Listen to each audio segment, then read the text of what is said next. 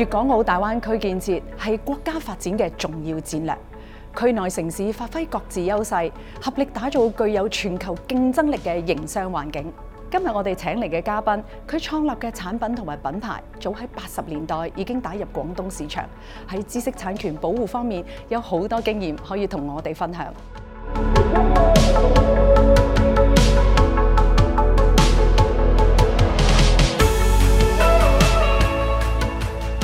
喺我身邊，既係一位成功嘅實業家，亦都係一位藏品審具嘅發明專家。許生好開心可以見到你。係啊，志清，你好嘛？你好啊，你好啊。嗱，你成功咁樣塑造咗雅芳庭呢一個知名品牌，可唔可以同我哋分享下你嘅心得呢？不斷創新，不斷研發，係我哋雅芳庭多年嚟嘅核心價值。首先要利用優良嘅設計同埋技術，做出高質量嘅產品。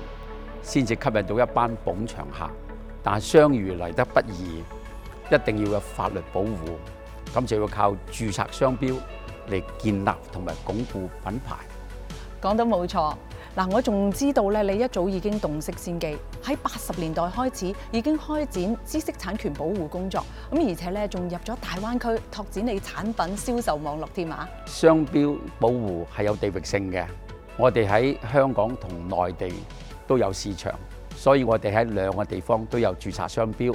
我喺香港，我哋第一個商標註冊係喺一九八五年申請，而喺內地呢，就係一九九零年。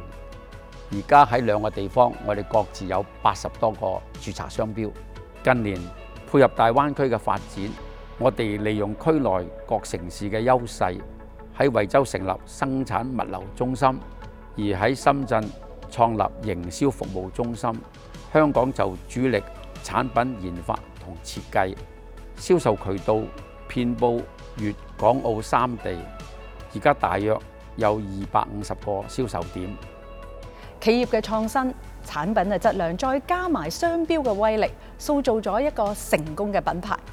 多謝許生你嘅分享啊！多謝知持